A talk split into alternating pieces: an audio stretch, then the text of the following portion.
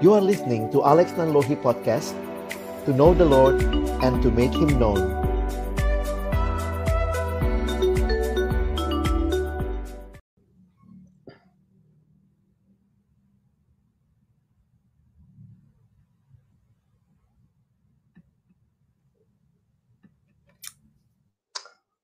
Hai Halo guys. semua. Asik. Pembukaannya kayak berasa anti klimaks ya. Tadi gue lupa kasih tahu Rem gimana harusnya kita pembukaannya Rem. Kita ulang lagi bagaimana Rem? Nggak usah lah, kita lanjut aja. Oke. Halo teman-teman Ya. semua, kembali lagi bersama Halo teman-teman semua. Ya, yang sudah punya pasangan saya dan yang saya Novi. Iya, kami berdua kembali Ya. hadir menemani teman-teman selama satu jam ke depan. Yeay. Oke, kalau misalnya ngebahas tentang saya nggak ada yang tepuk tangan ya, Rem. Saya kalau misalnya ngomongin percintaan nih, Rem, nih ya, gue lihat ya penonton Ya. tuh langsung banyak, Rem. Tadi kan kayak kita Apa bahas ya? di belakang, ngomongin tentang eh, apa relationship ya, ngomongin cinta, ngomongin gimana dapetin pasangan, gimana PDKT itu kayak banyak banget yang langsung eh, pantengin YouTube kita. Kayaknya selama setahun kita bahas tentang percintaan terus aja bagaimana nih, Rem? Kalau nggak kita membuat Boleh. apa namanya, satu siaran mencari pasangan hidup gitu. Wah, kayak seru nih ya, langsung nih. Selama selama setahun temanya cinta semua ya, cinta Tuhan. Ah, boleh, boleh, boleh. Iya. Bagus, bagus, bagus. Lama-lama kita jadi ini ya, jadi host yang ngomongin tentang percintaan nanti ya. Nah, seperti narasumber kita hari ini, dia tuh suka banget Wow. bikin podcast sama bikin eh, siaran-siaran gitu deh. Pokoknya segala sesuatu yang berhubungan dengan cinta. Tadi dia sempat kasih kita ide, Rem. Lu Ya. kalau misalnya mau ngomongin eh, pembahasan cinta, lu eh, apa relationship, lu bikin kata cintanya yang gede. Cinta Tuhan, cinta keluarga gitu. Yang penting nanti jadi banyak cintanya gitu. Pinter juga nih ya. Kita klik Iya. bait aja tuh. Oke, Ren, sebelum kita memulai siaran kita hari ini, seperti biasa gua akan Ya. meminta lo untuk membimbing kita dalam doa dulu ya. Oke. Ya teman-teman, mari kita berdoa ya. Tuhan kami bersyukur sekali lagi di waktu yang indah ini Tuhan kami kembali bertemu dalam YouTube Perkantas. Dan sekus Tuhan hari kami kembali belajar tentang cinta. Bagaimana Tuhan menuntun mengarahkan kami untuk menemukan orang yang menjadi teman hidup seumur hidup kami. Tuhan tolong sepanjang diskusi ini Tuhan, biar Tuhan yang menolong menyertai kami, sehingga setiap hal yang kami perbincangkan itu menuntun kami semakin peka dengan apa yang Tuhan mau dalam hidup kami. Terpuji nama Tuhan, kami serahkan semua dalam tangan Tuhan. Dalam nama Tuhan Yesus kami berdoa. Amin. Amin. Yeay, Rem. Gua tiba-tiba nih ya berpikir sebelum kita manggil narasumber kita, karena nanti narasumber kita tuh makin hits gitu ya. Mending gue nanya lu dulu dah. Ya. Kita gue mau nanya lu Oke. nih, biasanya narasumber kita tuh punya topik lagi nanti buat menjawab. Dulu Rem, sebelum lu eh, sama pasangan lu yang sekarang, lu gimana caranya lu bisa yakin bahwa dia kehendak Tuhan? Asik. Sama nih kayak judul di atas nih. Coba Rem, kasih tahu Rem. Gimana? Ya. Secara singkat aja lu jangan ngabisin waktu kita ya. Kita masih punya Betul. waktu dua menit lagi nih sebelum memanggil narasumber kita. Ya. Caranya itu waktu itu supaya tahu bahwa ini kehendak Tuhan itu dengan proses yang lama, gitu ya. Asik. dan bergumul dengan dengan apa dengan waktu yang cukup lama. Jadi setelah bergumul Oke. dengan waktu yang cukup lama dan akhirnya itu makin terkonfirmasi gitu ya, maka yakin bahwa itu kehendak Tuhan. Itu singkat kan? Nah itu jawabannya singkat. Singkat sih, tapi lu terlalu meluas ya. Sampai gue bingung nih sebenarnya mau gimana. Lu kasih tahu kan tadi ada langkah-langkahnya bagaimana bagaimana gitu kan. Nah ya. nanti langkah-langkahnya itu akan dijelasin nih sama narasumber kita kan Nov gitu. Jangan lupa itu pertanyaan gua ya. Gua udah ngetek duluan. Tadi tadi gua udah ngomong di belakang kalau itu udah gua tag ya. Coba lu pikirkan lagi nanti pertanyaan lu itu apa ya. Ingat kita hari ini Oke. siarannya kesannya harus yang berbobot ya Rem. Ingat loh. Minggu lalu Oke. tuh siaran kita agak kurang berbobot di awal ya. Jadi tolong siaran hari ini dari awal sampai akhir kita agak berbobot ya, agak berfaedah biar teman-teman Ya. yang nonton ini yang ribuan nonton ini tuh agak bahagia Wush. gitu maksudnya. Siap. Oke. Oke. Sekarang coba Rem panggil dua narasumber kita ya yang mereka tuh eh, udah pasangan ya. Oh. Jadi kayak makin sedih aja kalau lu udah punya pacar, gue jomblo. Nah ini udah udah menikah gitu. Aduh kayak sedih gitu ya. Gue makin lama ya. Untung gue jomblo bahagia. Oke silakan Rem, panggil Rem. Oke, tidak menunggu lama-lama teman-teman, mari kita sambut Kak Alex dan Kak Debbie ya pasangan hits seperkantas. Ya. Um, Oke. Ini dia narasumber kita pasangannya. Jadi dari minggu lalu sampai sekarang tuh kita ngemanggil, asik ngemanggil, mengundang narasumber Oke. yang udah menikah ya. Biar kita tuh langsung belajar. Jangan yang dari Remi, Remi masih pacaran nanti dia salah lagi ke sana kemari ya. Mending langsung nanya Ya. Bang Alex sama Kak Debbie. Ya, Gimana ya, waktu ya. awal-awal Boleh, mereka boleh. pacaran? Pertanyaannya langsung ke sana. Emang anaknya kadang-kadang suka ngadi-ngadi deh. Oke, halo Bang Alex dan Kak Debbie. Ya, ini- Halo. Tunggu dong, aku nanti salah ngomong jadinya. aku jadi ngomong. Eh dong, eh, Remi mau nanya dulu nggak Rem? Karena lu kan belum Oke. punya pertanyaan nih tadi katanya. Oke, ya. Eh, gimana kabarnya Kak Alex dan Kak Debbie? Lu apaan sih Rem? Udah gue bilang. Dari awal tuh kita harus berbobot Oh pertanyaannya. iya, iya. oh iya, oh iya, iya. Oke. Ini nurunin maaf, rating kita. Oh iya, iya, iya, iya, iya. Oke, oke, oke. Mau naikin rating, Ya, lu gimana? Kita serius ya. Kita serius Oke, ya, kita serius, serius, serius. Eh, Oke. serius ya. Untuk Kak Debbie dan Kak Alex, jawab pertanyaan saya. Menurut Kak Alex dan Kak Debbie, apa artinya cinta bagi masing-masing Dari pribadi? minggu lalu pertanyaan lu sama lu. Ayo deh, boleh dah. Iya dong. Lu mah agak ada iniannya dah. Ah, Kenapa Ren cinta? Ini akan Iya, definisi cinta. lu punya singkatan lagi nggak Rem? Tunggu gua tanya dulu nih. Lu ntar ngomong nggak. kayak apa, apa? Enggak ya? Oke, silakan Bang Alex sama Kak Remi. Ini susah ya ditanya definisi, saya pikir ditanya pengalaman.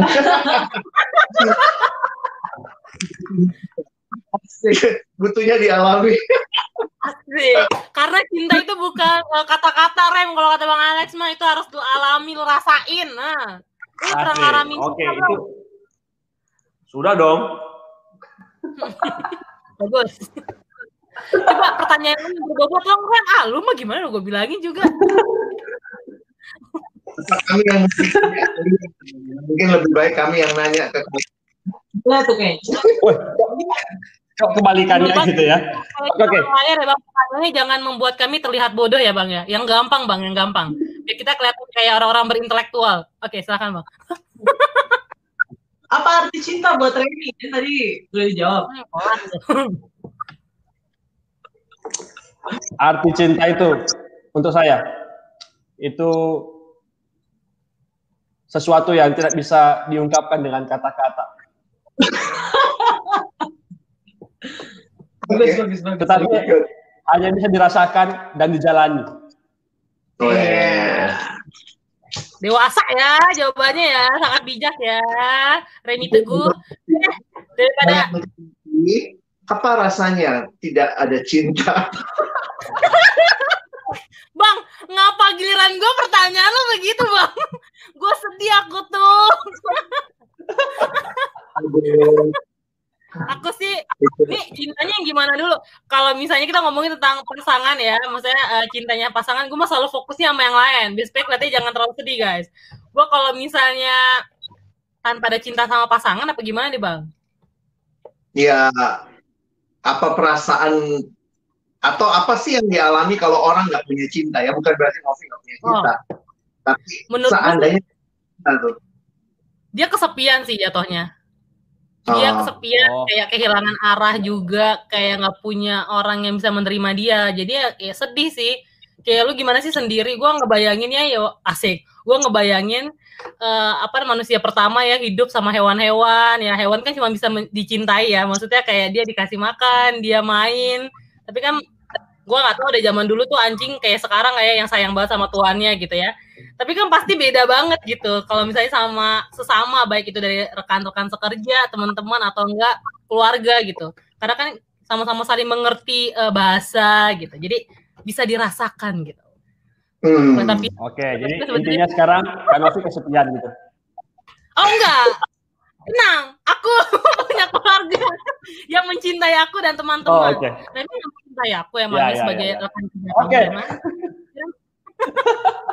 Jangan jadi perdebatan nanti di sini Oke. ya guys. Nih, gara-gara Remi memulai dengan uh, satu pertanyaan yang bagaimana-bagaimana gitu ya, guys. Nanti rating kita turun, mending gua aja yang langsung memberikan pertanyaan pertama kepada pasangan yang menjadi narasumber kita. Nah, Oke. Bang, kan kita ngomongin tentang PDKT, pasti dia kehendak Tuhan kayak gitu kan. Ini ngomongin tentang relationship ya, tentang cewek dan cowok pastinya. Eh, bahkan di bawah tuh juga udah gue bikin ya kayak cowok ngegendong cewek kayak gitu tuh ngomongin tentang pacaran atau enggak eh, relationship lah pokoknya intinya kayak gitu bukan ngomongin relationship antara anak dengan eh, orang tua gitu. Nah, ngomongin tentang pacaran, Bang, sebenarnya itu kan gampang-gampang susah ya untuk ngedapetinnya. Kata kata abang ipar gua sih, asik gue mengutip dari dia. Ngedapetin yang lu suka itu gampang, ya. Tapi untuk ngedapetin yang cocok itu sulit. Dibilang kayak gitu. Wah, saking sulitnya Novi berhenti sebentar. Berhenti sebentar. Ya. ya, jadi kalau saya lanjutin gitu ya. Jadi untuk menemukannya itu cukup eh, cukup sulit. Nah, sekarang bagaimana kita memulai itu, Kak? Jadi memulai supaya kita eh, walaupun sulit tetapi kita mau mencoba untuk eh, memulai mencarinya. Nah, silakan Kak Debbie dan Kak Alex. Melanjutkan Kak Novi ya. Em, ya, yang paling jelas sih menurut gua harusnya kita punya kriteria ya, apa ya, apa istilahnya ya. Maksudnya em, sulit itu bukan berarti juga kadang-kadang gini ya, mudah atau sulit itu sangat bergantung kepada apa sih yang menjadi mindset kita nih. Kita mau punya pasangan yang seperti apa. Jadi kalau kita melihatnya cuma sekadar sama siapa aja bisa, ya udah mau sama siapa aja ayo, itu mungkin kelihatannya mudah. Tapi ketika kita juga punya kriteria, ya punya standar lah, khususnya kita sebagai anak Tuhan, aku pikir eh, satu sisi mungkin kelihatannya lebih sulit. Tapi menurutku sih justru itu sesuatu yang eh, akan menolong kita ke depannya ya. Karena ya tentu ya kita harus membingkai buat kita orang percaya ya. Kita membingkai relasi itu juga dengan tujuan yang jelas. Kalau tujuannya pacaran itu untuk pernikahan maka tentunya ya kita kan nggak akan menikah dengan siapa saja ketemu yang cuma sekedar suka tapi ada hal-hal yang yang perlu kita jadikan sebagai dasar landasan kriteria yang tentunya sesuai juga dengan prinsip-prinsip yang kita pelajari dari Alkitab. Ya kalau ditanyain memulai sih ya selain standar pastinya ya bergaul ya. Jadi Ya, maksudnya relasi dengan orang lain supaya bisa kenal, bisa tahu orangnya seperti apa. Ya, selain memiliki standar tentunya. Kalau misalnya kita di dalam, ya maksudnya kalau misalnya kita nggak bergaul, nggak nggak belajar untuk kenal orang, ya mungkin ya bingung juga ya. Dan mungkin kalau kita bicara uh, praktis ya, jadi uh, satu sisi kita uh, tentunya berdoa, Mm-mm. Kita mencari juga. Jadi jangan cuma nyari-nyari nggak doa, jadi akhirnya kita cari siapa aja yang kita rasa suka di hati. Tapi doa itu mengarahkan kita juga melihat ini serius, ini penting, harus bagi- kemuliaan Tuhan. Tapi juga jangan cuma doa, tunggu di kamar, nanti biar Tuhan antarkan kekasih hatiku, tapi juga bergaul gitu ya. Bahkan eh, punya punya sahabat kali ya, atau punya teman-teman yang mungkin dari situ juga jadi kesempatan Tuhan pertemukan kita. Oke. Wow. Ya, Bang, Oke. tadi kan lu sempat ngomongin tentang adanya standar. Gue sudah kembali ya. Aduh Tuhan, semoga internet gue bisa stabil. Jadi kalau misalnya teman-teman ngeliat gue nge-freeze, itu bukan gue lagi sedang berakting ya guys. Ini emang internet di rumah tuh emang lagi ngadi-ngadi kayaknya. Oke, balik lagi. Bang, tadi kalau kalian sempat bilang ada kriteria gitu ya. Tapi eh, untuk gue nggak bisa bilang statement kalau generasi sekarang tuh eh, apa namanya nggak punya kriteria gitu kan. Tapi kadang ada orang yang punya kriteria mau begini, mau begini, mau begini. Ah, Jadi ada dua, jadi ada dua pandangan gitu. Yang satu kriterianya tinggi banget, ya. Maksudnya eh, dia kriteria pokoknya sampai gak logis menurut gue, tapi mungkin menurut dia tuh logis banget. Nah, gimana orang-orang yang seperti ini gitu kan ya? Punya cara nggak sih bang untuk tahu gimana sih caranya bikin standar yang benar Nah, tapi ada satu juga yang akhirnya mereka tuh bikin standar yang ngasal aja udah gitu. Maksudnya ya yang yang penting cakep, dia kaya, begini, begini, begini gitu kan ya. Bukannya bilang dia tidak mengikuti Alkitabiah, tapi maksudnya kayaknya kayak ngasal aja gitu. Yang penting cakep standarnya, yang penting baik gitu. Sedangkan kan cowok kalau lagi ngedeketin cewek atau enggak cewek ngedeketin cowok dia akan baik ke semua orang. Bahkan ada yang satu lagi dia bikin standar tinggi banget tapi nggak nggak tinggi tinggi banget sih. Pokoknya itu standar yang jelas. Tapi pas dia di satu momen misalnya usia atau enggak kayaknya ngerasa aduh kayaknya nggak mungkin bisa dapet deh. Akhirnya dia menurunkan standar. Yang mana aja deh yang penting dapet. Nah itu kan jadi ada tiga ya. Nah kira-kira gimana sih bang cara kita punya uh, abang dan kakak gitu ya? Gimana caranya kita punya standar? Atau enggak waktu kalian masih pacaran dulu gimana sih kalian bikin standarnya? Pernah naik turun juga nggak sih? Atau kayak akhirnya jadi yang mana aja deh yang Tuhan kasih gitu ya. jangan aku berantem ya guys biasanya siaran seperti ini merusak rumah tangga kalau tidak tepat. Ya, ya. Dan bagaimana nih Rem? Tapi Kak ini banyak pengalaman dari yang sharing sama dia kali ya. menentukan ya, boleh, boleh, Pak.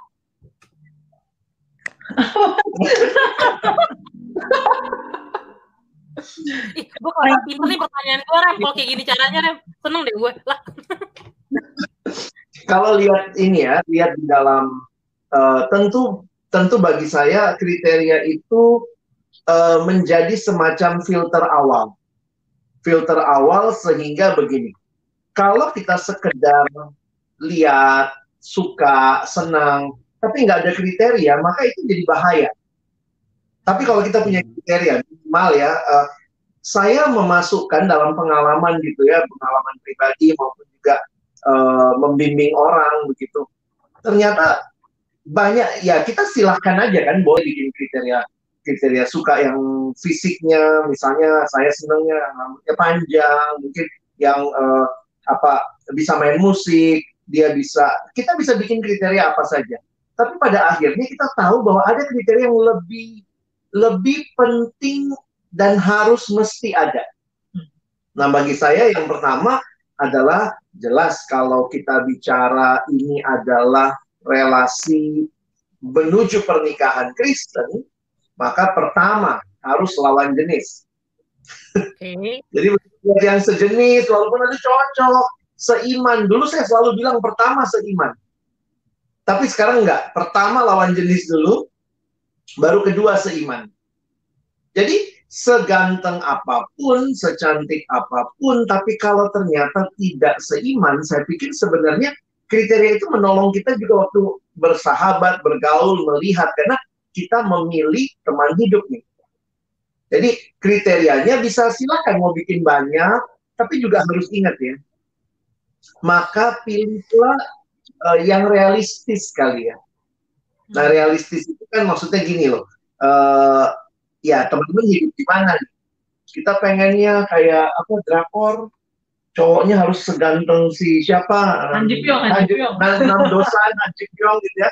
Ini yang membang yang banyak membuat persahabatan rusak belakangan ini ya. Mungkin kalian nggak nonton drama antara Hanji nggak ngerti nggak ngerti. Enam dosan ya. Nah poinnya adalah kita langsung bisa bilang oh ya udah bukan itu karena misalnya yang nggak realistis nggak ada di sekitar kita, sahabat kita juga dia apakah dia seiman atau tidak. Jadi maksudku kriteria itu secara sederhana menolong kita untuk tidak kebablasan ketinggian ataupun kerendahan. Dan memang ngeri juga ya, banyak yang punya kriteria yang tinggi banget. Saya selalu ingat kalimat ini ya.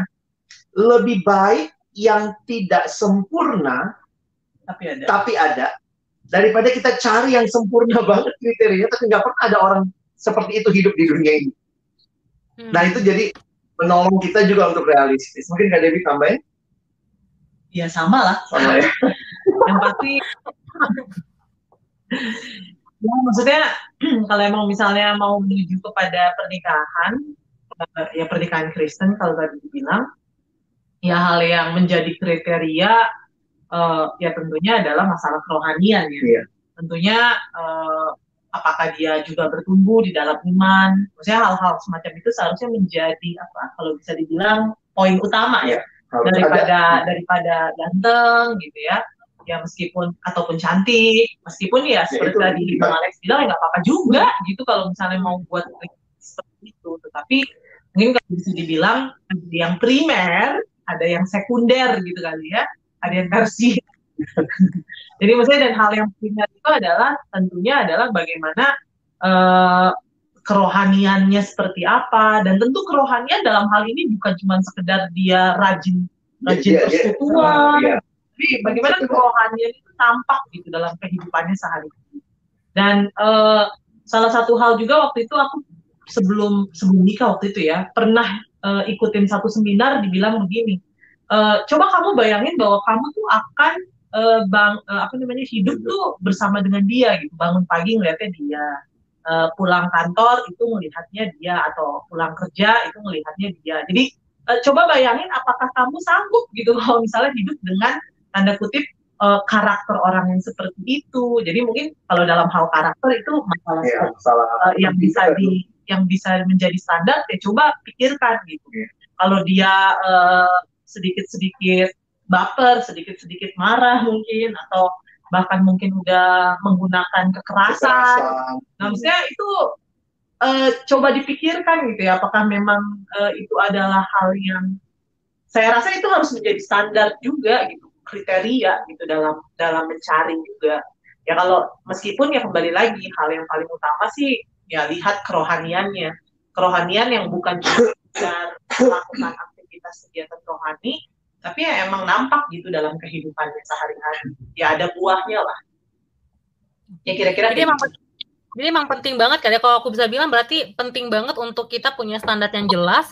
Tapi kalau misalnya di satu titik kayak apa yang namanya usia misalnya gitu ya, kita jangan turunin standar yang pentingnya itu gitu. Maksudnya kayak cowok terus dia eh cowok atau cewek ya, maksudnya lihat jenis kelaminnya, terus misalnya juga kayak apakah dia bertumbuh atau enggak itu jadi hal-hal yang penting. Tapi kalau enggak yang esensi banget lo turunin itu oke.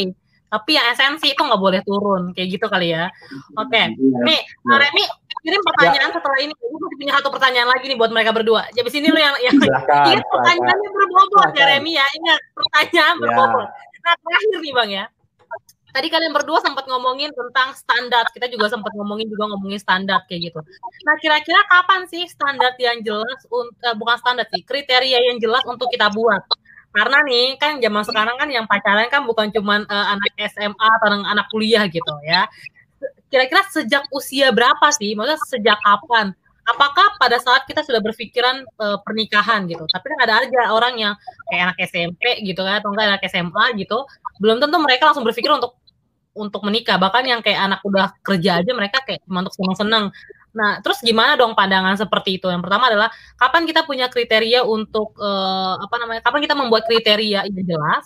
Dan yang kedua adalah apakah saat kita pacaran, apakah kita saat pacaran itu udah pasti harus menikah, menikah gitu? Dari tadi emang abang udah sempat ngomong, tapi kan kalau anak SMP atau anak SMA itu kan belum tentu mikir untuk menikah ya, atau enggak yang udah kerja pun belum tentu juga mereka untuk berpikiran menikah. Yang penting ya senang-senang aja dulu. Nah itu gimana tuh kalau kayak gitu? Mungkin mulainya dari Kak Debi dulu kali ya. Mungkin kan Kak Debi udah makin mengerti. Hmm, saya paham pertanyaan Anda gitu. Saya gini-gini sih. Kalau begitu suami saya akan menjawab. ya kalau misalnya yang namanya apa ya eh, apa kadang-kadang suka-sukaan gitu ya itu kan kadang-kadang memang dari masa-masa SMP, SMA bahkan sekarang ini SD pun udah ada yang Udah, udah. eh, sosokan gitu ya Papa, sosokan panggilnya papa mama. ke mama gitu kan meskipun mungkin ditanyain pertanyaannya tadi apa, Apa itu itu cinta cinta? mungkin dia sendiri apa ya Cuma Ya. ingin di tubuh Anda. Iya, apa yang memberi definisi cinta seperti itu? oh Jijik banget ya, maksudnya murahan banget gitu. Cinta cuma ingin nikmati tubuh Anda. Wah, ngeri. Oh. Lanjut. bukan jadi hilang kan udah duluan ini duluan nih. duluan deh, duluan duluan Tadi pertanyaannya apa? Oke, kalau aku melihatnya gini, ya, eh, kalau tadi Novi tanya berkaitan dengan pacaran, kan nggak semuanya tujuannya menikah. Justru mungkin harus ditanya begini, kalau demikian, kenapa nggak sahabatan aja? Kalau memang belum siap menikah, kenapa harus sayang-sayangan? kenapa harus pacar-pacaran? Jadi aku nasehat jujurnya kepada anak SMA misalnya, ya jangan pacaran dulu, lebih baik punya banyak sahabat. Mau fun, you can have fun with your friends gitu, nggak mesti jadi pacar. Kalau mau perhatian yang lebih fokus, lebih dalam, ya kenapa nggak siap pacaran? Pacaran yang tujuannya jelas, karena menurutku gini ya, kenapa banyak pacaran akhirnya nggak benar, jadinya saling merusak, cintanya hanya sebatas menikmati tubuh Anda begitu. Karena yang sedang dijalani itu nggak ada tujuannya. Hmm. Kalau tujuannya memang atau mungkin tujuannya hanya sebatas fun, ya udah pacaran jadi fun aja. Tapi saya melihat ada satu ayat di Alkitab kan mengingatkan kita ya bahwa 1 eh, Korintus 10 ayat 31 mengatakan jika engkau makan atau jika engkau minum atau jika engkau melakukan sesuatu yang lain lakukanlah semuanya itu untuk kemuliaan Allah. Nah, kalau makan harus untuk kemuliaan Allah. Yang namanya minum untuk kemuliaan Allah itu kan hal-hal yang sangat receh kali ya. Kalau hal-hal yang sangat receh aja untuk kemuliaan Allah, masa sih pacaran untuk fun doang? saya pikir nggak selaras dengan apa yang Alkitab sampaikan. Nah, sehingga menariknya bahwa ketika pacaran dibingkai dengan tujuan pernikahan, maka di sini kita bisa tarik aplikasinya. Kalau pernikahannya kudus, pacarannya jadi harusnya kudus juga. Jadi nggak main-main, nggak sekedar kesepian. Ya kalau cuma ngisi kesepian, ya pelihara hewan, ya pet gitu, anjing gitu ya, bukannya pacar gitu pacar itu kan bukan pet gitu ya. Nah, poinku adalah makanya sebenarnya kalau dalam buat kita orang Kristen ya, kalau memang nggak siap menikah ya nggak usah pacaran. Kalau mau sekedar fun, dalam arti kita juga hidup punya kesenangan, misalnya nonton, jalan, makan, ketemu teman, ya bersahabat aja. Nah, teman? Ya, sama.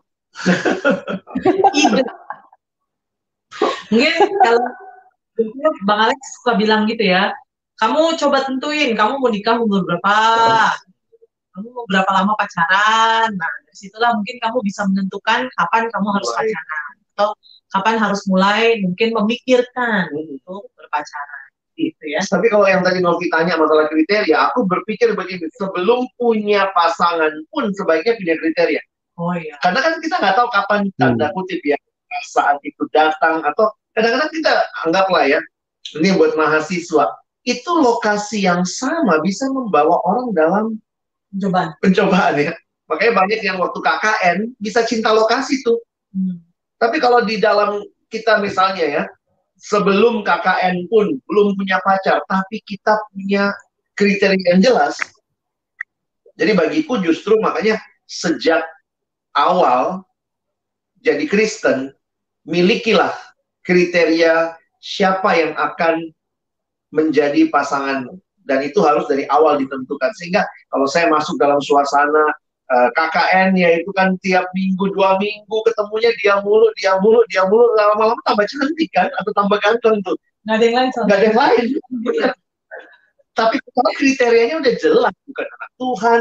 Jadi kadang-kadang saya pikir cinta lokasi itu karena memang gini ya uh, kalau kita bahas bagaimana cinta itu bisa muncul atau bukan cinta lah ya saya pakai istilah perasaan suka perasaan suka itu bisa muncul salah satu faktornya itu proximity kedekatan. Jadi dekat dekat dekat dekat ya lama-lama bisa jadi cinlok begitu. Nah, jadi uh, bagi saya baik sekali kalau kita punya kriteria dan mari serius bingkailah pacaran itu dengan tujuan yang jelas. Ya, maksudnya berarti sebenarnya kalau ditanya kapan waktunya, mungkin yang lebih dulu harus dimiliki adalah tujuan mau pacarannya itu apa, kriteria yang dan itu akan mempengaruhi pastinya ya, kriteria. kriteria atau standar yang kita cari seperti apa.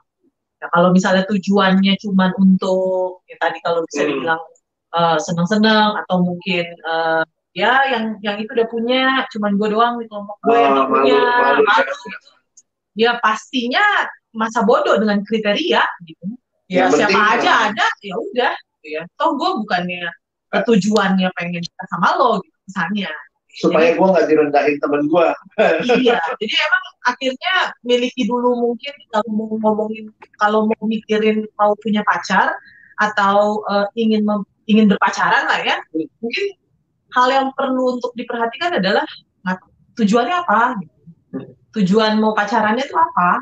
Ya, apakah memang cuman ya udah karena saya masih muda, ya uh, ini hal yang lagi sangat ngetren gitu ya punya pacar dan ini adalah sesuatu hal yang wah kok kayaknya nonton drama, hmm. nonton sinetron, kok kayaknya enak ya punya pacar ya, ada yang jemput, ya, uh, ada yang jemput, ada yang bisa diajakin uh, jalan, ya, ya kalau emang misalnya tujuan-tujuannya udah uh, ke arah sana ya, pasti itu akan sangat mempengaruhi sih kriteria ataupun standar yang kita buat, ya, karena ya tujuan awalnya pun bukan memang untuk masuk dalam pernikahan Kristen. Jadi akhirnya gitu. Gue pengennya punya pacar bisa jalan-jalan, cari yang punya mobil dong, masa naik hmm. motor gitu. Eh kriteria jadi ngikut. Gue pengen punya pacar supaya bisa dipamerin, ya carilah yang macam-macam apa namanya, yang, uh, artis-artis Korea gitu, atau ya ya seperti itulah. Jadi emang tujuan dalam berpacaran perlu kita pikirkan sebelum mungkin uh, terpikir atau kalau sudah terpikir untuk oh gue pengen punya pacar deh mungkin perlu ya untuk dipikirin uh, apa tujuannya mau mau buat apa gitu ngapain Oke, ya silakan Rem pertanyaannya Rem selanjutnya Rem. Oke, ya tapi sebelum udah tahu belum buat apa Rem? Nanti saya tahu ya. ya, silakan nanya terus kapan gue dinikahin masa dipacarin melulu katanya tenang tenang ada waktunya ya tunggu boleh tanya ya. Oke, tapi apa sebelum kita lanjut ke pertanyaan berikutnya kita mau nyapa dulu nih ya teman-teman yang gabung yang join dengan kita di uh, live YouTube di malam hari ini. Selamat bergabung teman-teman. Sangat terbuka untuk bertanya gitu ya. Ini kesempatan yang sangat baik ya untuk uh, bertanya dan mungkin juga mau sharing sangat uh, ditunggu gitu ya. Kita sudah siapkan sampai uh, lima jam ke depan bersama dengan Kak Alex dan Kak Debbie. Jadi dia akan siap menjawab pertanyaan yang diberikan oleh teman-teman. Jadi jangan segan-segan, silakan uh, berikan pertanyaan sebanyak-banyak mungkin dan sebanyak itu pula Kak Debbie dan Kak Alex akan menjawab. Gitu ya. Kalau tidak, nanti kita lanjutkan ya di episode berikutnya. Oke, okay. okay. uh, sebelum kita sebelum kita mendengarkan, eh, mendengarkan ya, uh, membaca pertanyaan teman-teman yang sudah ada, uh, menarik tadi ya, ya di awal bahwa uh, Kak Alex dan Kak Debbie sepakat mengatakan bahwa uh, menemukan pasangan hidup itu atau pacar itu gampang-gampang sulit, gitu ya. Kalau kita mungkin kalau kalau dikorelasikan dengan tadi misalnya, kalau kita nggak ngerti tujuan, mungkin sangat gampang bagi kita untuk mendapatkan pasangan. Tapi kalau kita ngerti tujuan kita nikah, tujuan kita pacaran maksudnya, maka mungkin agak sulit. Nah, hmm. pertanyaan berikutnya begini, Kak Alex dan Kak Debbie ya. Ini, ini itu pertanyaan wakili jomblo ya, Kanovi gitu ya. Aku hadir ya. Oh, dia muncul. Oke. Okay. Nah, ini ini mewakili teman-teman apa nih? Teman-teman persekutuan. Karena juga ini fenomena kita juga gitu ya dalam pelayanan. Uh, sudah ngerti, mungkin sebagian besar sudah ngerti tentang uh, tujuan daripada berpacaran gitu ya. Dan uh, tetapi sampai hari ini mungkin dia masih susah untuk uh, agak susah gitu atau sulit untuk menemukan uh, orang yang ideal. Mungkin tadi karena kriterianya terlalu uh, banyak gitu ya, ada primer, ada sekunder dan sebagainya. Nah, mungkin saya langsung to the point saja gitu ya. Menurut pengalaman Dewi dan Kak Alex, kenapa selama ini kita anak-anak persekutuan gitu ya, Padahal sudah mengerti, sudah punya konsep yang sama, sudah tahu kebenaran. Kok agak susah juga ya dapat pasangan gitu ya? Kok agak sulit juga Aduh, dapat susah Remi. Kok agak susah juga ya dapat padahal begitu banyak loh di sekeliling kita teman persekutuan, PMK, begitu banyak tapi kenapa hari ini cukup susah gitu. Nah, mungkin Kak Alex atau Kak Debbie bisa menjelaskan tentang ini gitu. Iya nih, kok susah ya Remi ya. ya eh, nggak uh, tahu juga ya. Maksudnya pasti ada begitu banyak. Entah faktor apa pun itu. Tapi ya memang kalau ngelihat sering kali yang terjadi tapi ini pengalaman saya ya, belum tentu juga ini adalah sesuatu hal yang mungkin, maksudnya pengalaman yang saya lihat ini belum tentu berlaku secara umum atau general. Tapi beberapa pengalaman yang saya pernah lihat atau saya pernah dengar adalah kadang kadang-kadang tuh kalau sudah uh, jadi eh kalau sudah ada dalam lingkaran persekutuan itu tuh udah kayak wah gue mah sahabat banget lah sama dia saudara banget lah dalam Kristus nggak mungkin lah punya perasaan gitu ya jadi uh, sering kali kita udah menutup kemungkinan duluan gitu loh. Uh, padahal mungkin ada si A, ada si B gitu ya, entah cewek, entah cowok, maksudnya entah si cewek ngeliat si cowok ataupun si cowok ngeliat si cewek, tapi karena sudah ada dalam lingkup persekutuan, itu tuh kesannya kayak apa ya? Hmm. Kayak udah tahu borok-boroknya masing-masing, jadi kayak ah enggak lah, ya nggak mungkin lah gue sama dia lah. Gue udah mati rasa sama dia. Iya. Kanovi, okay, Kanovi. Aduh. Terus. Sobat banget. Mungkin lah. Udah gini banget guys. Udah gini banget. Udah deket banget. Betul, mungkin karena memang udah terlalu deket, jadi kayak nggak ada excitementnya lagi gitu loh. Hmm. Kadang-kadang yang dicari tuh excitementnya gitu. E, ngelihat orang yang terus-menerus itu-itu aja, kerja sama bareng, lalu kemudian mungkin juga pelayanan bareng itu mungkin excitementnya udah hilang cuman kayak oh ya oke okay, gue kenal dia oh ya gue udah tahu ah, emang dia kayak begitu gitu tapi kalau misalnya ngelihat orang tanda kutip di luar lingkar persekutuan kayak ya, ada, excitementnya ada, tuh ada curiosity-nya iya ini kayaknya adventure orang lucu juga ya orang, orang padahal mungkin lucuan si teman persekutuan daripada tuh orang gitu kali ya jadi maksudnya itu saya temukan. Dan kemarin dalam pengalaman KDB itu ternyata ada juga ya loh akhirnya dia udah cari di luar, cari ke mana, eh belakangan jadinya sama teman-teman persekutuan. Selesai gitu ya, lulus, masing-masing lulus, entah pergi ke mana, pergi ke mana, eh tiba-tiba ketemuan gitu ya, ada momen ketemuan di persekutuan alumni, eh ujung-ujungnya ya jadian juga gitu. Padahal dulu-dulunya enggak gitu ya. ya. tapi itu pengalaman sekali lagi mungkin bukan sesuatu hal yang bisa dijeralis. Oke, okay, jadi wahai ya, jadi wahai kalian para aktivis-aktivis, jangan menutup diri gitu ya, sama pasang sama teman-teman di sekeliling kalian gitu ya. Jangan ini mematikan gairah cinta yang mungkin Tuhan kasih. Ya, atas ya. nama saudara. Atas nama saudara. saudara Soalnya gini, ini logika sederhana aja. Kalau sudah keluar dari persekutuan, sudah pergi ke dunia nyata, di pekerjaan, mungkin cuma kamu anak Tuhan di situ. Mungkin di pekerjaanmu sulit lagi ketemu. Sebenarnya inilah kesempatan ya, apalagi ada di pelayanan tadi kata Remy ya ini kesempatan loh untuk uh, mungkin kita berdoa lebih lebih terbuka sama Tuhan kalau ternyata ada di sini Tuhan, tolong saya bisa melihat adik ini sebagai adik yang akan menjadi calon mamanya anak-anak misalnya gitu ya, lebih jelas gitu ya. Ini bukan cuma adik saja gitu. Iya. Nah, jadi itu ya guys, ingat ya guys, jangan menutup diri jangan lihat-lihat di luar sana gitu. Di sekelilingmu begitu banyak gitu ya. Pertanyaannya ini sangat oh. luar biasa ya untuk malam ini. Sangat berbobot ya. Pesannya ini... juga bagus. Makasih Remi. Iya, mungkin Kanov sekarang kita baca pertanyaan kali ya dari teman-teman yang hari ya, ini join benar. dengan kita. Sebelum gue yang nge-freeze lagi ya, kita akan menanyakan, uh, kita akan mem, apa, mem, membacakan pertanyaan dari teman-teman. Yang pertama ini dari ada A Melody di Bank ini. Shalom Kak Abang, aku mau tanya. Saya pernah membaca sebuah renungan di suatu aplikasi Kristen yang intinya adalah melewatkan seseorang yang tepat karena kriteria yang ditetapkan dan akhirnya hanya menunda deh kayaknya.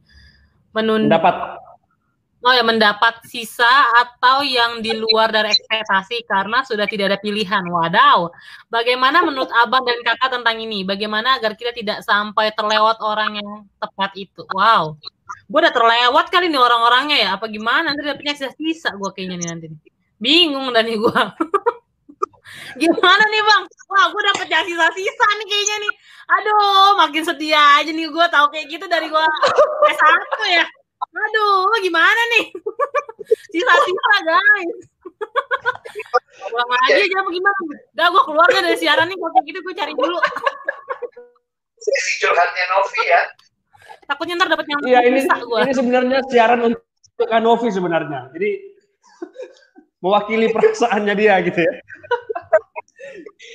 Iya, kalau aku begini kali ya, teman-teman eh, dari banyak pertanyaan, aku ini. Tapi, eh, eh, sorry, Novi feedback atau siapa tuh? Kalau saya lihatnya begini teman-teman, hati-hati. Jangan sampai ternyata kita pun tidak percaya kepada pemeliharaan Allah.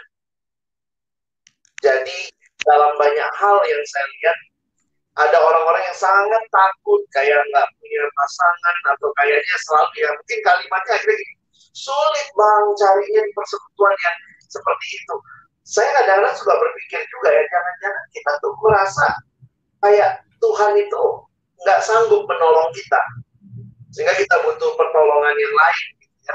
kita butuh pertolongan-pertolongan yang kayaknya tanda kutip turunin standar tanda kutip kayaknya kompromi sama beberapa hal.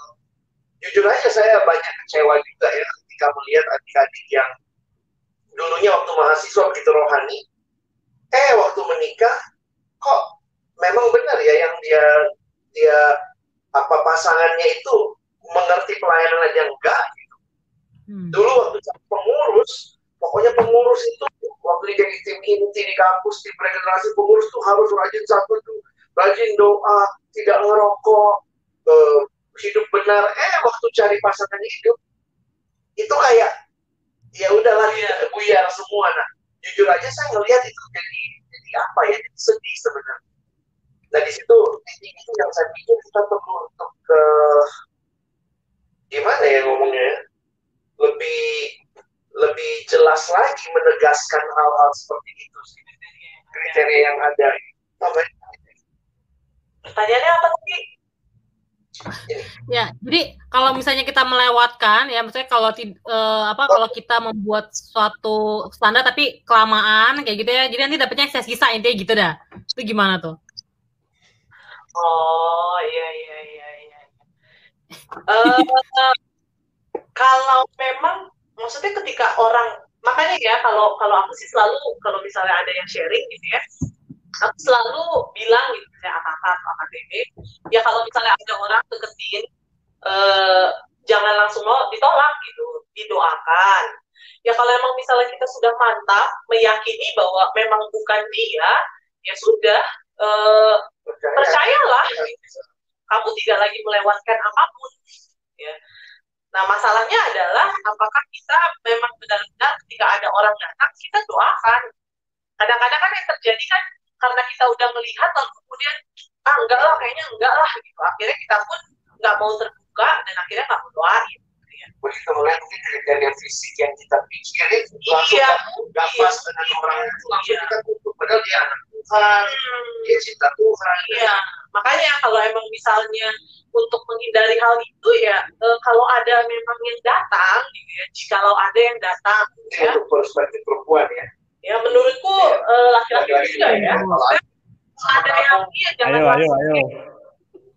enggak lah, aku cewek agresif. Nah tuh gitu ya kadang-kadang ya. Tapi maksudnya coba didoakan gitu. meskipun kamu nggak ngajakin dia doa ya. Tapi doakan secara pribadi, tanya Tuhan ya ada yang deketin, eh, bener nggak dia cari tahu informasi orang ini seperti apa. Maksudnya eh, take interest lah gitu ya terhadap orang tersebut. Ya hitung-hitung tanda kutip bukannya mau ngasih PH- PHP sih ya, bukannya mau PHP-in, makanya kita nggak ngajakin dia doa bareng dulu, kita yang dulu ya. Nah, tapi maksudnya itu menolong kita untuk tidak tanda kutip melewatkan Melewatkan. gitu kalau bisa kalau menggunakan istilah melewatkan ya. Seperti itu. Dan tentunya kalau emang misalnya tapi kalau emang misalnya yang datang itu udah jelas tidak sesuai dengan kriteria primer gitu kalau saya boleh gunakan Iya, kata betul. primer ya secara kerohanian memang lah. ya itu udah pasti menurutku kamu nggak lagi melewatkan apa-apa gitu. ya santai ya percaya Iya. aja dan Heeh. jangan pikir yang kamu dapat terakhir itu sisa Yes, iya benar. jangan jangan Hmm. jangan Jangan. jangan-jangan save the best for last. Iya. Oh, Makanya. be. Makanan penutup ya. Itu seperti itu ya. Berarti gue gitu masih ya. for last ya. Gue nggak jadi dapat yang sisa guys kalau gitu. Gue nggak jadi keluar dari Tapi siaran dulu dapat nyari. Tapi tapi Kanov ingat doa, terus berdoa, doa dan doa. kurang doa gue sampai semuanya ngedoain gue makasih ya Remi lu kadang-kadang suka ngadi-ngadi pertanyaan lu statement lu lu kasih tahu aja yang jelek-jeleknya semuanya di siaran ini Rem dulu Remi Oke. Balik. Next, next, next, next, next.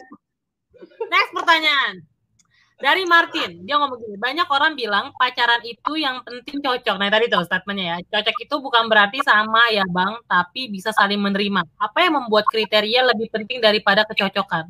Oh, tadi kan aku sempat bilang tuh bang statement di awal bang. Lebih baik eh, ngedapetin yang yang yang kita suka tuh gampang tapi ngedapetin yang cocok itu yang susah. Ini kayaknya hampir sama deh.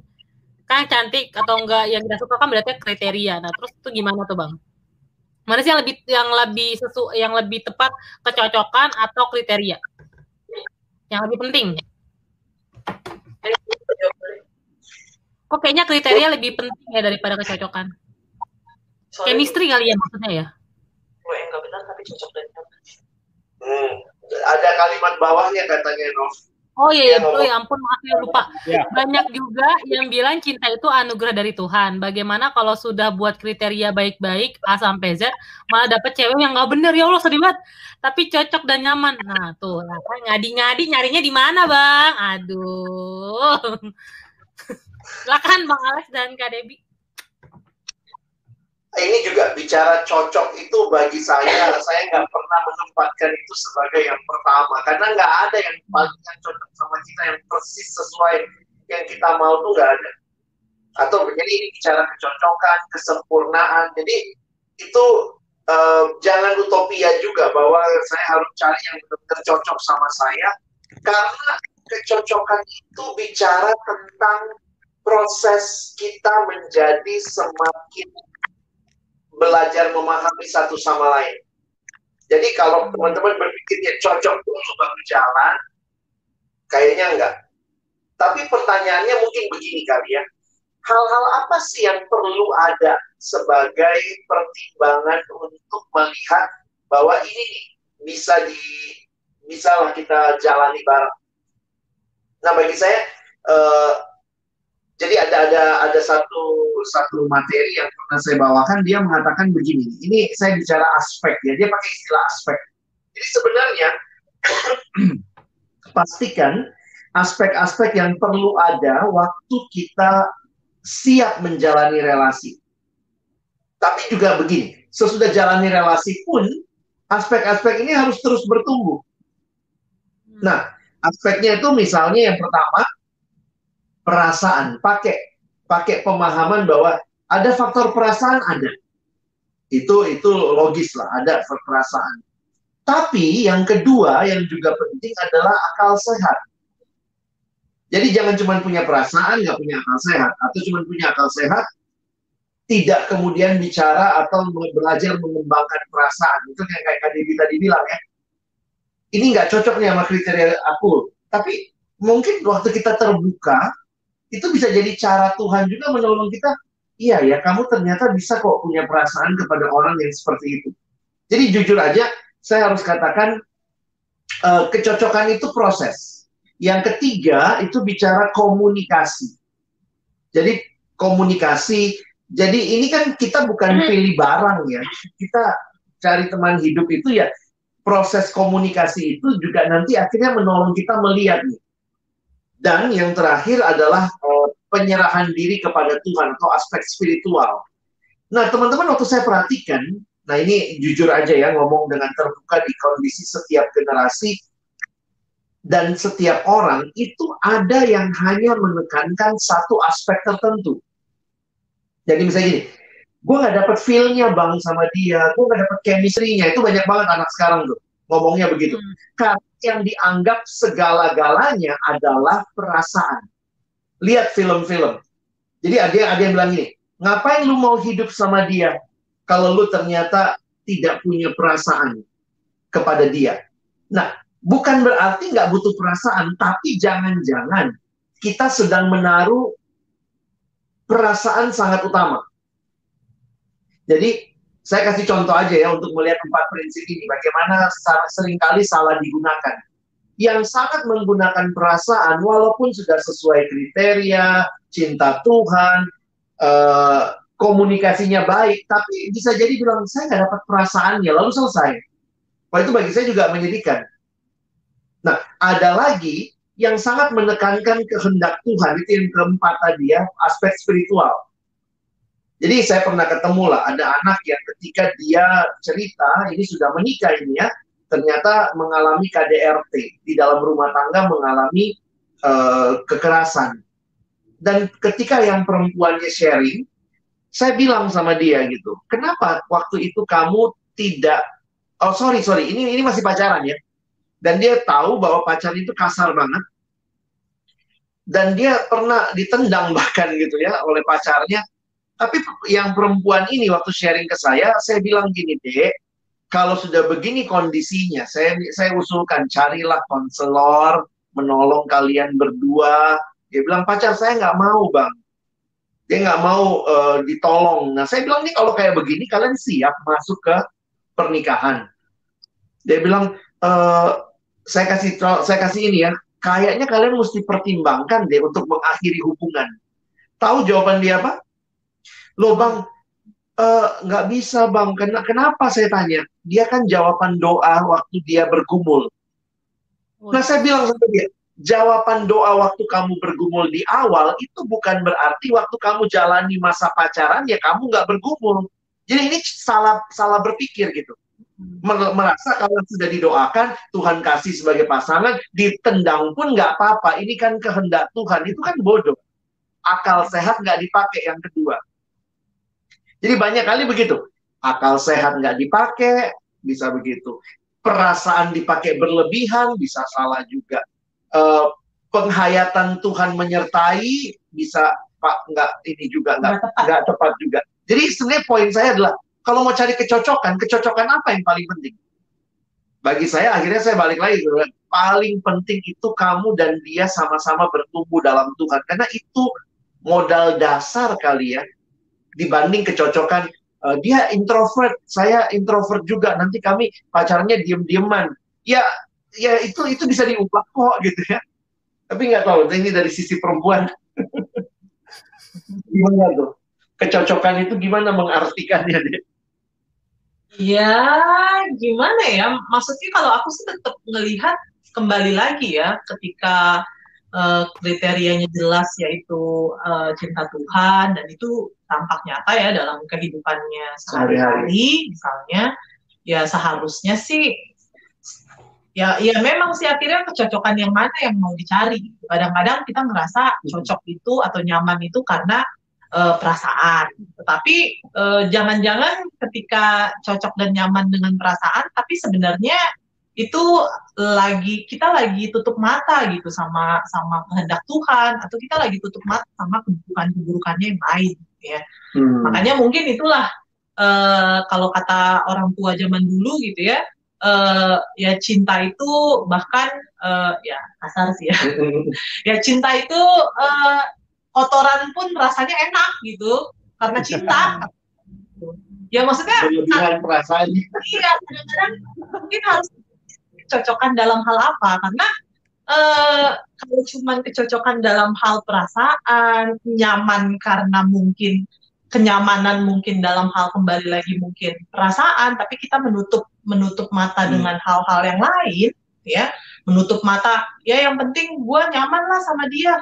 Ya meskipun mungkin dia beda iman. Hmm. ya gue uh, nyaman lah sama dia meskipun mungkin dia e, nggak uh, bertumbuh di dalam iman di dalam iman Kristen ya maksudnya itu juga hal-hal yang uh, sering kali itu terjadi gitu. Kenyamanan kenyamanan bukan dalam hal perasaan ataupun juga wah karakternya oke okay, itu membuat kita tutup mata sama sebenarnya hal-hal lain yang jangan-jangan primer gitu. jangan-jangan sebenarnya adalah hal yang utama. Jadi ya kalau ngomongin cocok kalau ngomongin nyaman ya mungkin hati-hati ya. Kenapa? Karena kembali lagi cocok ketika berpacaran belum tentu Betul. ketika masuk dalam pernikahan cocok. Ya. Hmm. Jadi jangan-jangan cecok. Cocoknya dalam berpacaran kenapa? Mungkin karena si pasangan menahan diri. Tapi ketika sudah menikah, wow, enak aja loh, gitu ya. Jadi hati-hati juga gitu ya. Kita bisa nyaman sama dia, cocok sama dia, ya. Karena mungkin kita ngerasa oh setiap hari saya dijemput, Eh, oh dia tuh baik banget gitu ya. Saya jatuh trotoar dimarahin gitu kan ya. Tapi kah gitu ya apakah memang akhirnya itu dan kenyamanan itu akan berlanjut ya jadi eh, hati-hati dengan terlalu tadi lah ya terlalu eh, mengagung-agungkan eh, secara khusus mungkin kecocokan atau kenyamanan dalam hal Iya. eh, cinta ya atau perasaan lah dalam hal ini gitu ya seperti itu jadi Walaupun juga bukan berarti kami tidak melihat kecocokan sebagai salah satu tanda juga. Ada juga sih ya kecocokan-kecocokan kayak sama-sama suka musik misalnya itu bisa mendekatkan. Jadi kalau saya ngelihat kecocokan itu bukan bukanlah syarat supaya kita masuk dalam relasi, tapi itu bisa jadi penguat. yes Justru menariknya ketika saya dengan dia tidak cocok hobinya misalnya. Saya belajar hobi dia, dia belajar hobi saya. Kalaupun dia belum bisa menikmati, paling tidak menghargai. Jadi sebenarnya kita lebih kaya ya. Makanya eh, ada buku yang kami pakai dalam KTB Pasutri dari Timothy Keller, The Meaning of Marriage. Dia mengatakan you never married the right person. Kamu nggak ada aja hal-hal yang kurang ada yang kurang. Kita mau bilang ya cari yang cocok banget. Kalau kami cari yang cocok banget nggak bakal deh. You never married the right person. setelah menikah ada aja Ada. ada Jadi- aja yang kita lihat ah kayak gini tuh ternyata dia Iya. ah oh gitu jadi ada aja lah Kalau mau cari the right person Marry sesuai yourself. dengan kriteriamu, marry yourself. Nikahi pikiranmu. Paling cocok sama kamu. Iya. Oke. Nih, sebenarnya pertanyaan ini eh, sebenarnya jawabannya dari Kak Debbie dan Bang Ali itu menjawab juga pertanyaan dari Sondang ya. Dia kita kita sekilas saja membaca eh, pacar itu seharusnya selalu ada kata cocok atau enggak ya enggak harus tadi ya. Apakah jika ada salah paham di antara pasangan tersebut dikatakan enggak cocok? Enggak juga.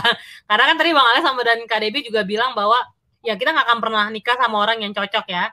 Jadi eh, apa definisi kata cocok juga dari sempat disebutin juga sama Bang Alex. Nah, pertanyaannya menarik dengan yang ini, Bang. Pertanyaan selanjutnya, bertanya dong, gimana dengan friendzone menurut kekristenan? Ini sama aja kayak HTS-an. Ini friendzone nih, kalau kata sekarang nih udah, udah banyak ya. Ada juga ngomongin HTS-an tuh, itu masuk juga. Friendzone. Friendzone ya, baik Novi. Remy silakan diambil alih. Silakan. Oke. Gimana dengan Ya. friendzone? Bagaimana itu? ATS hubungan tanpa status. Sama Saya ini tahu, friend with benefit, itu juga sama. Yes. Silakan dengarkan eh, podcast kami ya, podcast kita ya, No. Oh, Silakan iya. dengerin eh, friend sound ya. Nah, tapi saya saya berkali-kali ya, baik podcast, di kutipan, di video, saya selalu ingatkan hubungan yang dekat antara lawan jenis harus dibingkai dengan komitmen. Karena kalau hubungan dekat lawan jenis tanpa komitmen, jadi kedekatan antara lawan jenis tanpa komitmen itu cenderung menyakitkan. Misalnya, ketika misalnya kita dekat, dibilang pacar bukan. Yang membedakan friend dengan pacar itu sebenarnya komitmennya. Nah, dia, sudah punya komitmen, kamu pacarku, aku pacarmu. Jadi pada waktu dia berpacaran dengan komitmen yang jelas, dia tidak buka cabang sama siapa-siapa.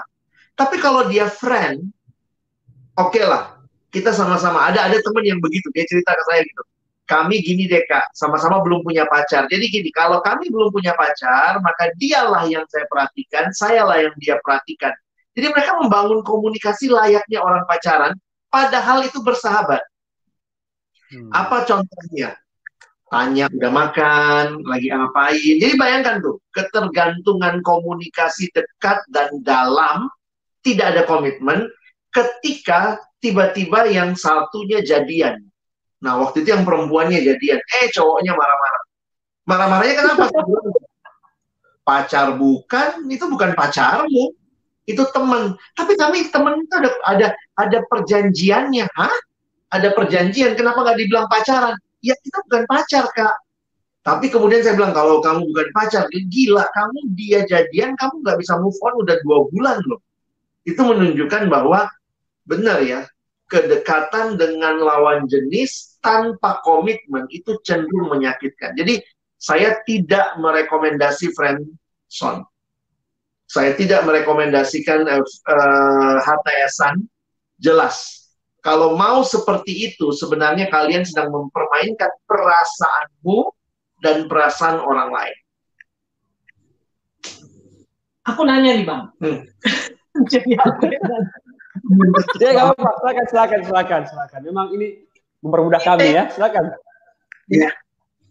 Ada yang pernah bilang gini, bukan bilang sih, hmm. ada yang pernah aku dengar lah dia bilang bahwa sebenarnya sebenarnya kak eh, friendzone itu karena kami memang sudah dekat, si cowok suka sama saya, tapi uh, karena saya nggak suka, daripada relasi persahabatan kami putus, rusak, ya sudahlah, maksudnya dia dia apa namanya kami di dalam friend zone aja.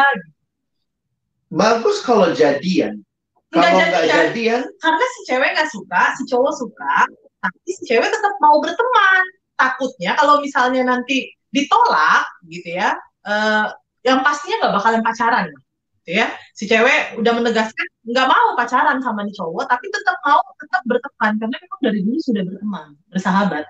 Nah masalahnya adalah kalau ini cowok nyatain dan kemudian ditolak pasti relasi sahabat mereka hilang. Nah karena itulah ya udahlah sama-sama mikirin ya udah kita uh, in the friend zone aja saya nah, tetap tidak setuju karena bagi saya itu hanya mempermainkan perasaan satu sama lain. Jadi itu membohongi perasaan. Jadi kadang-kadang saya mikir gini ya, kalau mau relasi tetap baik, mungkin tarik garis batasnya supaya hmm. memang tahu ini lagi ngapain. Hmm. Kalau bersahabat ya nggak usah tanya lagi udah makan belum. Hmm. Tapi kita memperhatikan layaknya sahabat. Kalau itu menurut teman-teman itu perhatian sahabat sekarang kayak gitu bang, itu membuat orang baper itu pasti. Jadi saya jujur aja secara pribadi, makanya tapi saya juga pakai istilah tadi ya saya katakan istilah cenderung menyakiti. Dan saya sudah ketemu banyak kasus lah ya, dan akhirnya ketika tidak jujur dari awal, menjalani friendzone, ketika salah satu jadian, malah itu kayak orang nggak kenal. Itu bisa lebih, karena nggak mungkin kan, realitanya ini ini kalau kita berbicara jujur ya, tidak boleh ketika kamu sudah punya pacar, kamu punya juga teman dekat lawan jenis yang lain. Itu aturan dasar yang saya pikir supaya kita tidak mendua hati. Makanya saya juga harus katakan kepada teman-teman, uh, belajar puas dengan pasanganmu. Itu itu cara. Kalau kamu mau punya teman di luar pasanganmu, harus ada batas sahabatnya. Jangan bilang, tapi kamu udah deket banget dari dulu Begitu kamu pacaran, harus tarik garis batas. Kalau tidak, itu akan cenderung menginterfere baik perasaan, baik juga ketulusan. Jadi kadang susah. Ini dia tulus atau tidak? Wah, tapi nggak tahu. Teman-teman kan bisa beda pendapat. Kalau saya melihatnya dalam pengalaman dan juga membimbing orang, daripada begitu, tarik garis daripada kamu sakit nanti. Berarti sebenarnya kalau emang misalnya kondisi kayak gitu bilang aja ya, kita ini iya. teman ya. Gua nggak nganggap lu lebih dari itu. Jadi Dan jangan ngarep banyak. Karena teman, maka ada batasnya, ada ada pola komunikasinya, ada apa. Jadi kadang-kadang gini, saya takutnya juga ketika yang satu bilang, gua kasih kesempatan lu komunikasi seperti itu ke aku, karena dia juga mungkin kesepian, deh. Hmm. Nah, itu yang aku agak takut kesepian ketemu kesepian saling mengisi kekosongan ternyata sebenarnya nggak ada yang terisi sih jadi saling meman memanfaatkan memanfaatkan menurutku begitu oke okay. friend with benefit dong jadinya ya oke okay.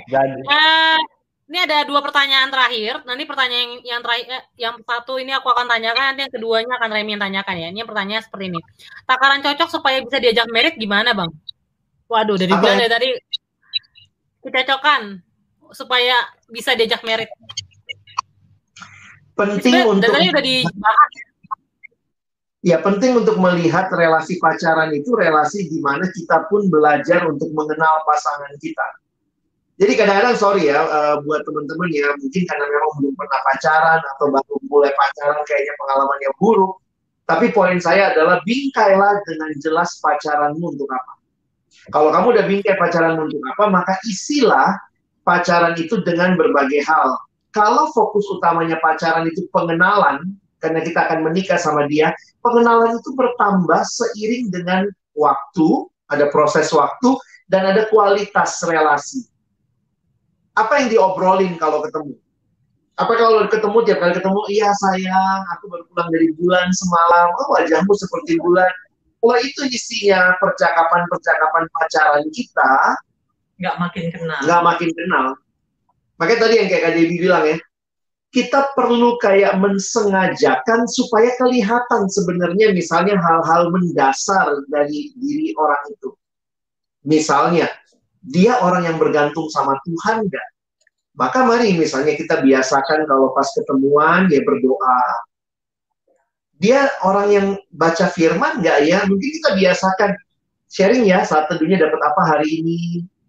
Kadang-kadang saya pikir itu hal-hal yang gimana mau kenal kalau tidak pernah apalagi begini bagaimana mau kenal dia orang yang rohaninya bertumbuh atau tidak gimana cara kenalnya tuh apa kita eh, tinggal sama dia kan masih pacaran jadi eh, bagi saya begini sebelum menikah maka teruslah evaluasi hubunganmu teruslah evaluasi hubunganmu karena menurut saya eh, sebelum menikah, pacaran masih bisa putus. Ketika kamu lihat ada banyak hal yang sudah diusahakan, ternyata memang berbeda sekali.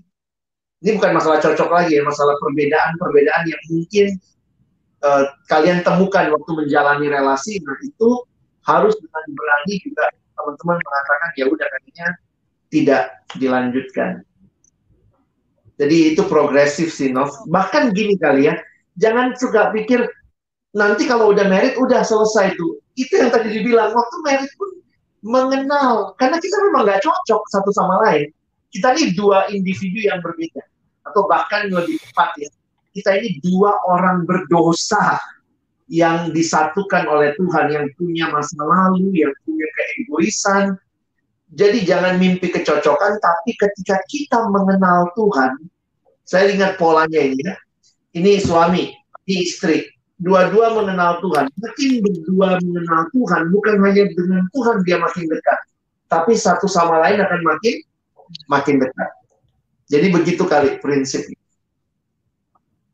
Oke, ini dua pertanyaan terakhir akan dijawab oleh dijawab di, di dikasih tahu oleh Remy, silakan kan? Ya, ini ya dari Martin ya, Amar Tegbon. If you want kayaknya. it, you want to give up. If you give up, you are not worth it. Truth is, everybody is going to, to hard. You you just go to the one sport you suffering for. Bagus kak kata-katanya. Menjelaskan ya.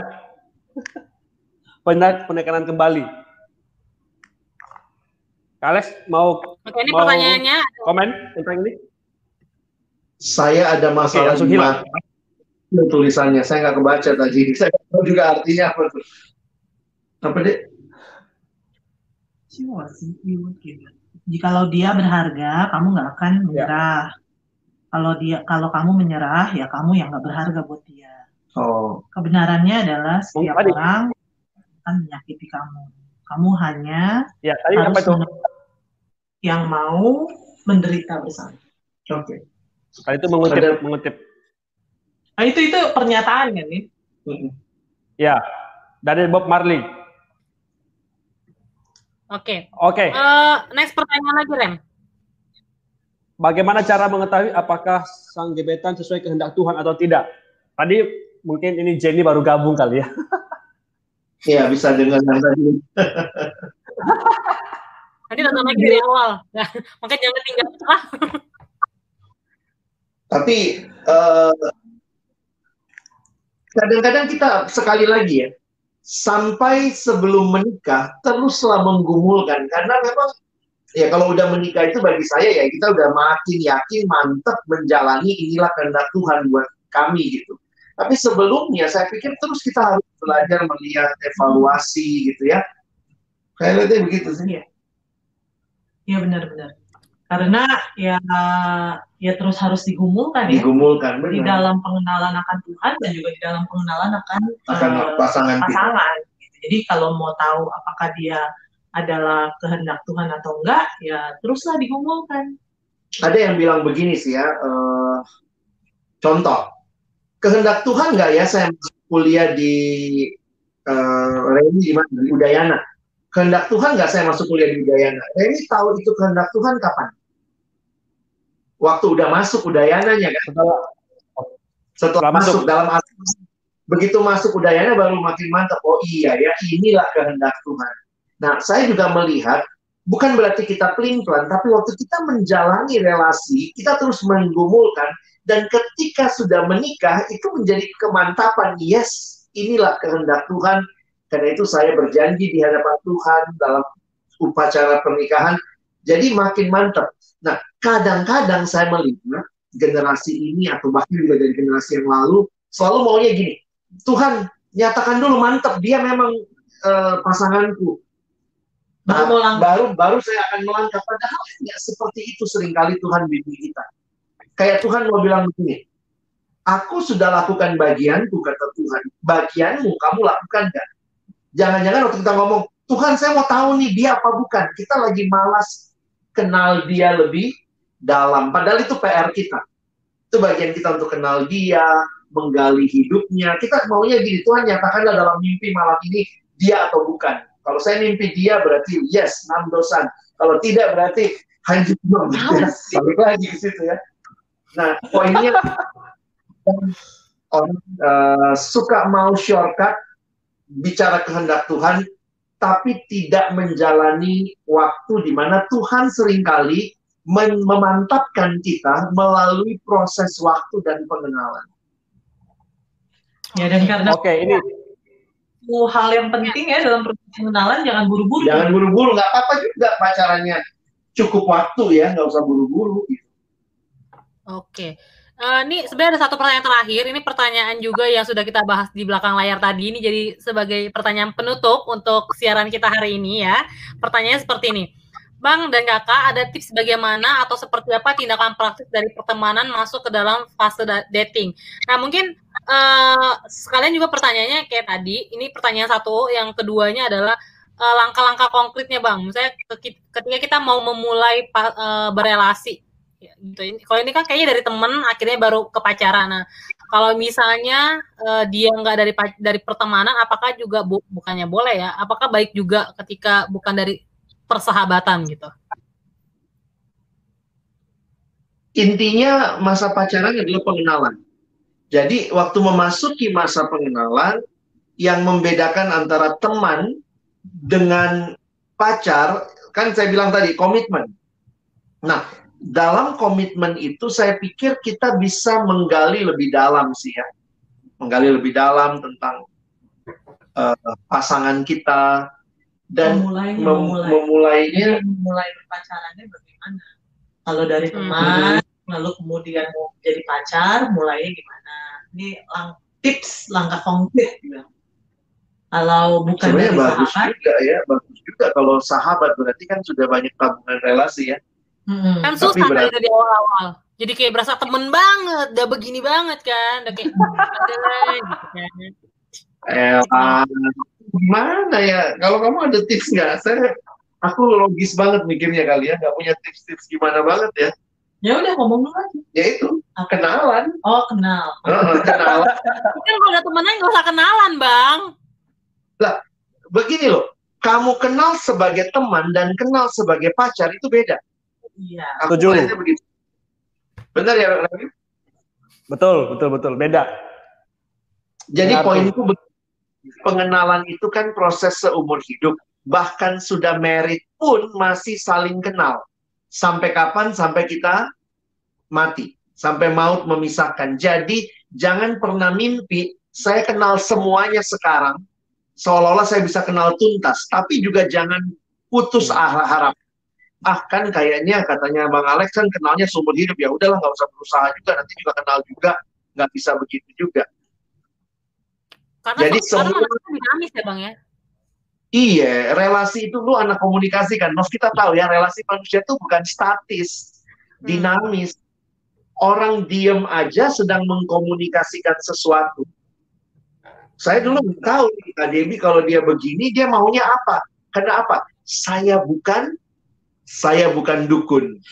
Kadang-kadang perempuan yang Laki-laki juga gitu. laki-laki juga begitu. Kita nggak, jadi kita pengen gitu, pasangan gue tolong dong tebak saya lagi ngapain.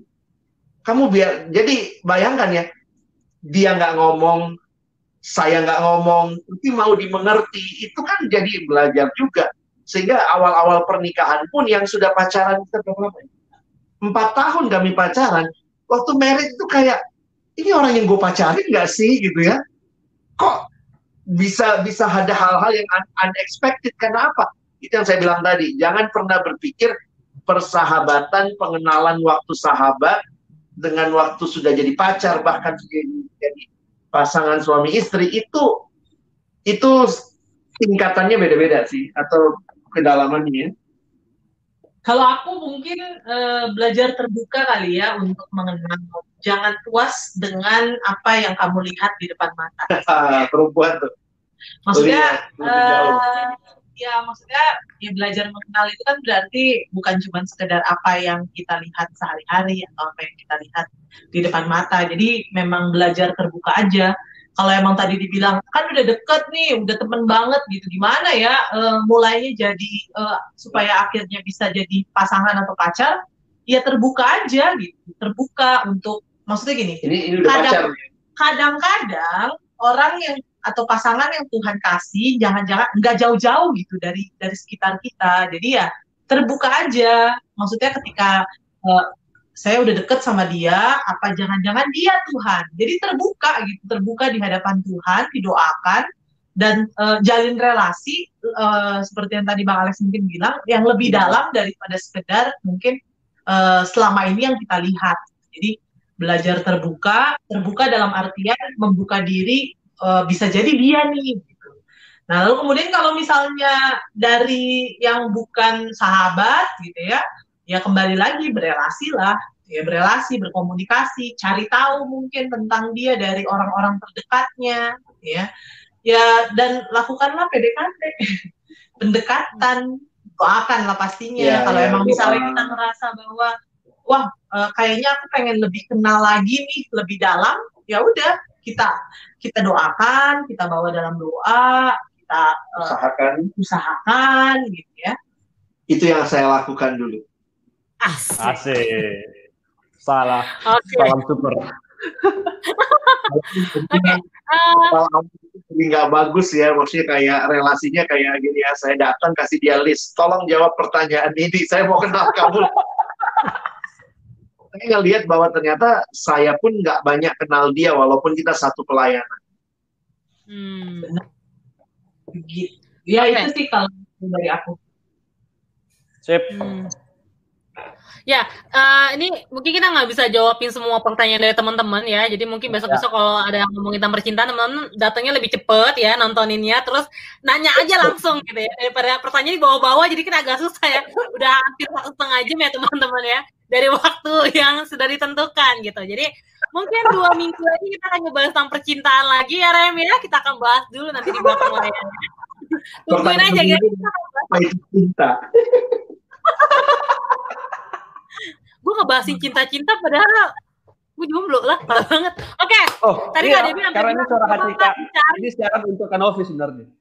ya makasih ya Rem Tadi Kak Debbie sampai bilang coba cari di sekitar kamu siapa gue sampai mikir siapa di sekitar gue kayak nggak ada nih. Dan yang paling penting, jangan penting, jangan menutup diri gitu loh. Jangan langsung Ya ampun, membuat Remi. batasan.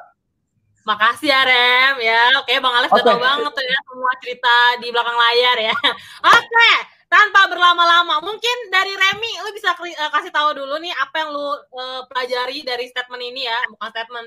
Dari siaran hari ini, nanti gue, baru nanti Kak Debbie, terus Bang Alex.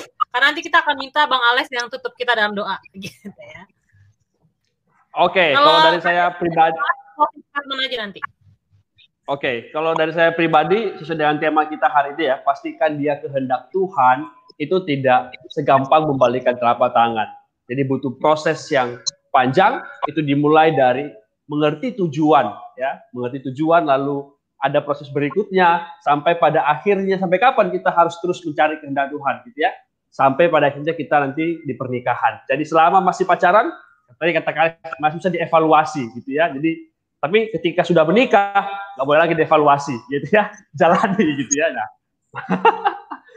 nah itu yang menarik bagi saya kan Nov. Kalau ya, Novi gimana? Gue, sebenarnya ya tadi ya gue hampir ketawa-ketawa atau sudah mati. Ini gara-gara kayak ya ini sih ada bagian di gue nya apalagi ngomongin tentang relasi ya. Ini penting banget sebenarnya ya bener sih apa yang dibilang sama Bang Alex.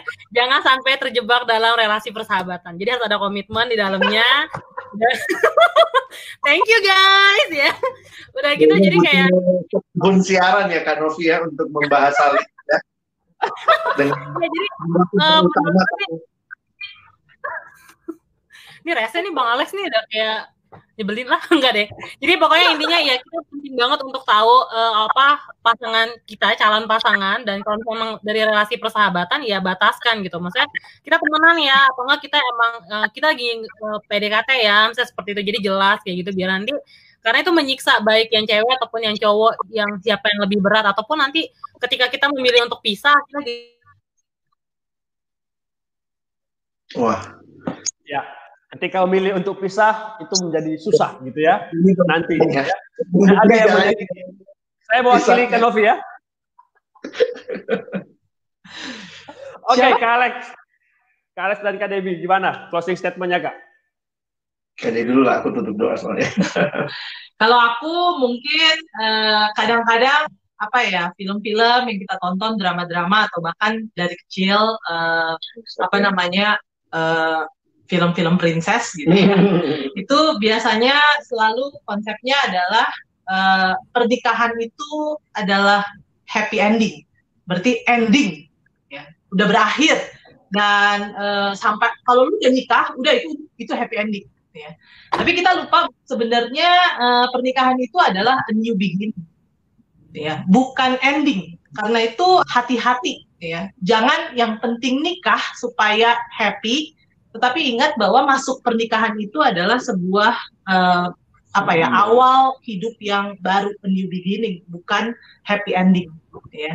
Jadi uh, dan ini pastinya terkait dengan bagaimana kita benar-benar memastikan bahwa dia adalah apa yang berasal dari Tuhan. Ya. Seperti itu. Oke. Okay. Kalau saya sih bersyukur ya kesempatan seperti ini juga Tuhan berikan untuk menguatkan semua kita buat kami juga yang mungkin sering kali ngomongin ini juga jadi banyak mengevaluasi hidup pribadi, relasi kami. Tapi yang yang menarik adalah uh, mari juga belajar ya. Pakailah firman Tuhan jadi pelita bagi kaki kita, terang bagi jalan kita. Termasuk waktu membangun relasi pacaran. Karena saya melihat seolah-olah kalau pacaran itu adalah sesuatu yang terlepas dari Alkitab, terlepas dari kebenaran. Pacaran itu bisa terserah gue maunya apa. Kalau nanti uh, doa saat teduh, oke okay deh itu sesuai Alkitab. Tapi waktu pacaran bisa orang tiba-tiba kayak dia nggak kenal Tuhan gitu ya. Nah, menurutku ini kesempatan untuk benar-benar meyakini bahwa firman itulah pelita bagi kaki kita. Kita sedang berjalan dalam dunia yang gelap. Kita butuh pelita, kita butuh terang, dan firman Tuhan memberikan itu. Jadi belajarlah menerapkan prinsip-prinsip kebenaran itu juga di dalam kita membangun relasi. Dan saya pikir Alkitab kasih banyak sekali prinsip ya untuk kita bisa memahami ya kayak selalu juga diingatkan masalah perasaan itu juga ada kalimat yang menarik ya dalam hal dalam Kidung Agung misalnya jangan membangkitkan cipta sebelum waktunya. Jadi saya kadang-kadang melihat kamu sih main-main pakai friendzone friendzonean kamu bangkitin deh eh jadinya friend with benefit bersahabat tapi kok bisa lagi kena lagi membangkitkan sesuatu yang bukan pada tempatnya kira-kira begitu. Itu semua ada di Alkitab kok prinsipnya. Ya, jadi mungkin begitu. Oke, okay. ya silakan. Thank you Bang dan Kak Debis. Uh, boleh yep. bersharing, boleh bersharing, boleh memberikan sharing kepada setiap kita dan boleh minta Bang Alex ya tutup kita dalam doa. Mari kita berdoa. Tuhan kami bersyukur malam hari ini kesempatan kami kembali dituntun oleh kebenaran-Mu melihat juga mengevaluasi relasi-relasi kami biarlah kami tidak menjadi orang-orang yang ketika berbicara pacaran, relasi, yang lebih banyak kami serap adalah konsep dunia, konsep drama, konsep film, konsep musik. Tapi kami seolah-olah lupa firman. Tapi ketika kami kembali diteguhkan melalui kebenaran-kebenaranmu, kami pun bisa melihat bahwa engkau tidak berhenti membimbing kami Engkau tidak berhenti menuntun kami, termasuk melalui firman-Mu untuk menerangi relasi yang kami bangun, baik sedang PDKT maupun relasi bagi teman-teman yang sudah masuk di dalam pacaran. Biarlah kami membingkai pacaran kami, membingkai relasi kedekatan kami, sesuai dengan kebenaran firman. Terima kasih malam hari ini buat apa yang sama-sama boleh kami nikmati, kami dengar dalam sharing. Tuhan yang kiranya meneguhkan hal-hal yang berasal daripadamu di hati setiap kami. Terima kasih berdoa bagi teman-teman yang sedang menanti, mencari, menggumulkan pasangan hidup. Tuhan yang buka jalan. Tuhan yang juga memberikan kepekaan. Tuhan yang memberikan persahabatan-persahabatan yang indah. Sehingga di dalamnya jika Tuhan berkenan, engkau yang mempertemukan dengan pasangan yang tepat. Bagi saudara-saudaraku, adik-adikku yang sudah berpacaran, sudah memasuki relasi yang lebih dekat, berdoa agar kiranya relasi mereka pun terus dibangun di dalam Tuhan, terus dievaluasi sampai pada akhirnya kami merindukan Tuhan yang meneguhkan di dalam pemberkatan dan peneguhan pernikahan. Terima kasih Tuhan. Kami sungguh bersyukur kesempatan ini melalui berbagai media kami boleh menyampaikan kebenaran-kebenaran untuk membimbing generasi ini bagi Tuhan. Kiranya Engkau yang terus memberkati. Terima kasih buat Novi, buat Remy, juga buat kami berdua yang sudah boleh Tuhan pakai malam hari ini menjadi saluran berkat yang memberkati juga siaran kami boleh terus menjadi berkat bagi banyak orang. Kami bersyukur menutup siaran ini di dalam satu nama yang kudus, nama Tuhan kami Yesus Kristus. Kami sudah berdoa dan bersyukur. Amin. Oke. Amin. Thank you Amin. buat teman-teman. Remy mungkin mau meng-closing siaran kita hari ini kan gue yang buka nih, lu yang tutup coba. Oke, okay, teman-teman, ya bersyukur sekali ya untuk untuk hari ini. Tetapi saya pikir pertemuan kita tidak hanya sampai di hari ini, Ya, kita akan bertemu lagi di siaran Banyol berikutnya. Ya, minggu depan kita akan menyapa di Instagram dan sampai ketemu di minggu depan. Tapi yang paling penting jangan lupa juga kalau teman-teman terberkati dengan uh, tema kita hari, jangan lupa di share ya teman-teman yang lain biar mereka cepat dapat jodoh ya. Kayak teman saya. Eh mana? Ini. Oke, okay. dan jangan lupa juga di jangan lupa dan jangan lupa apa aja, jangan lupa juga di subscribe ya. Oke teman-teman, terima kasih. Sampai ketemu. Terima kasih Kak Debi, Bang Alex. Terima kasih juga. Thank you. Dadah. Saya akan undur diri semuanya dan sampai jumpa di siaran selanjutnya. Bye bye.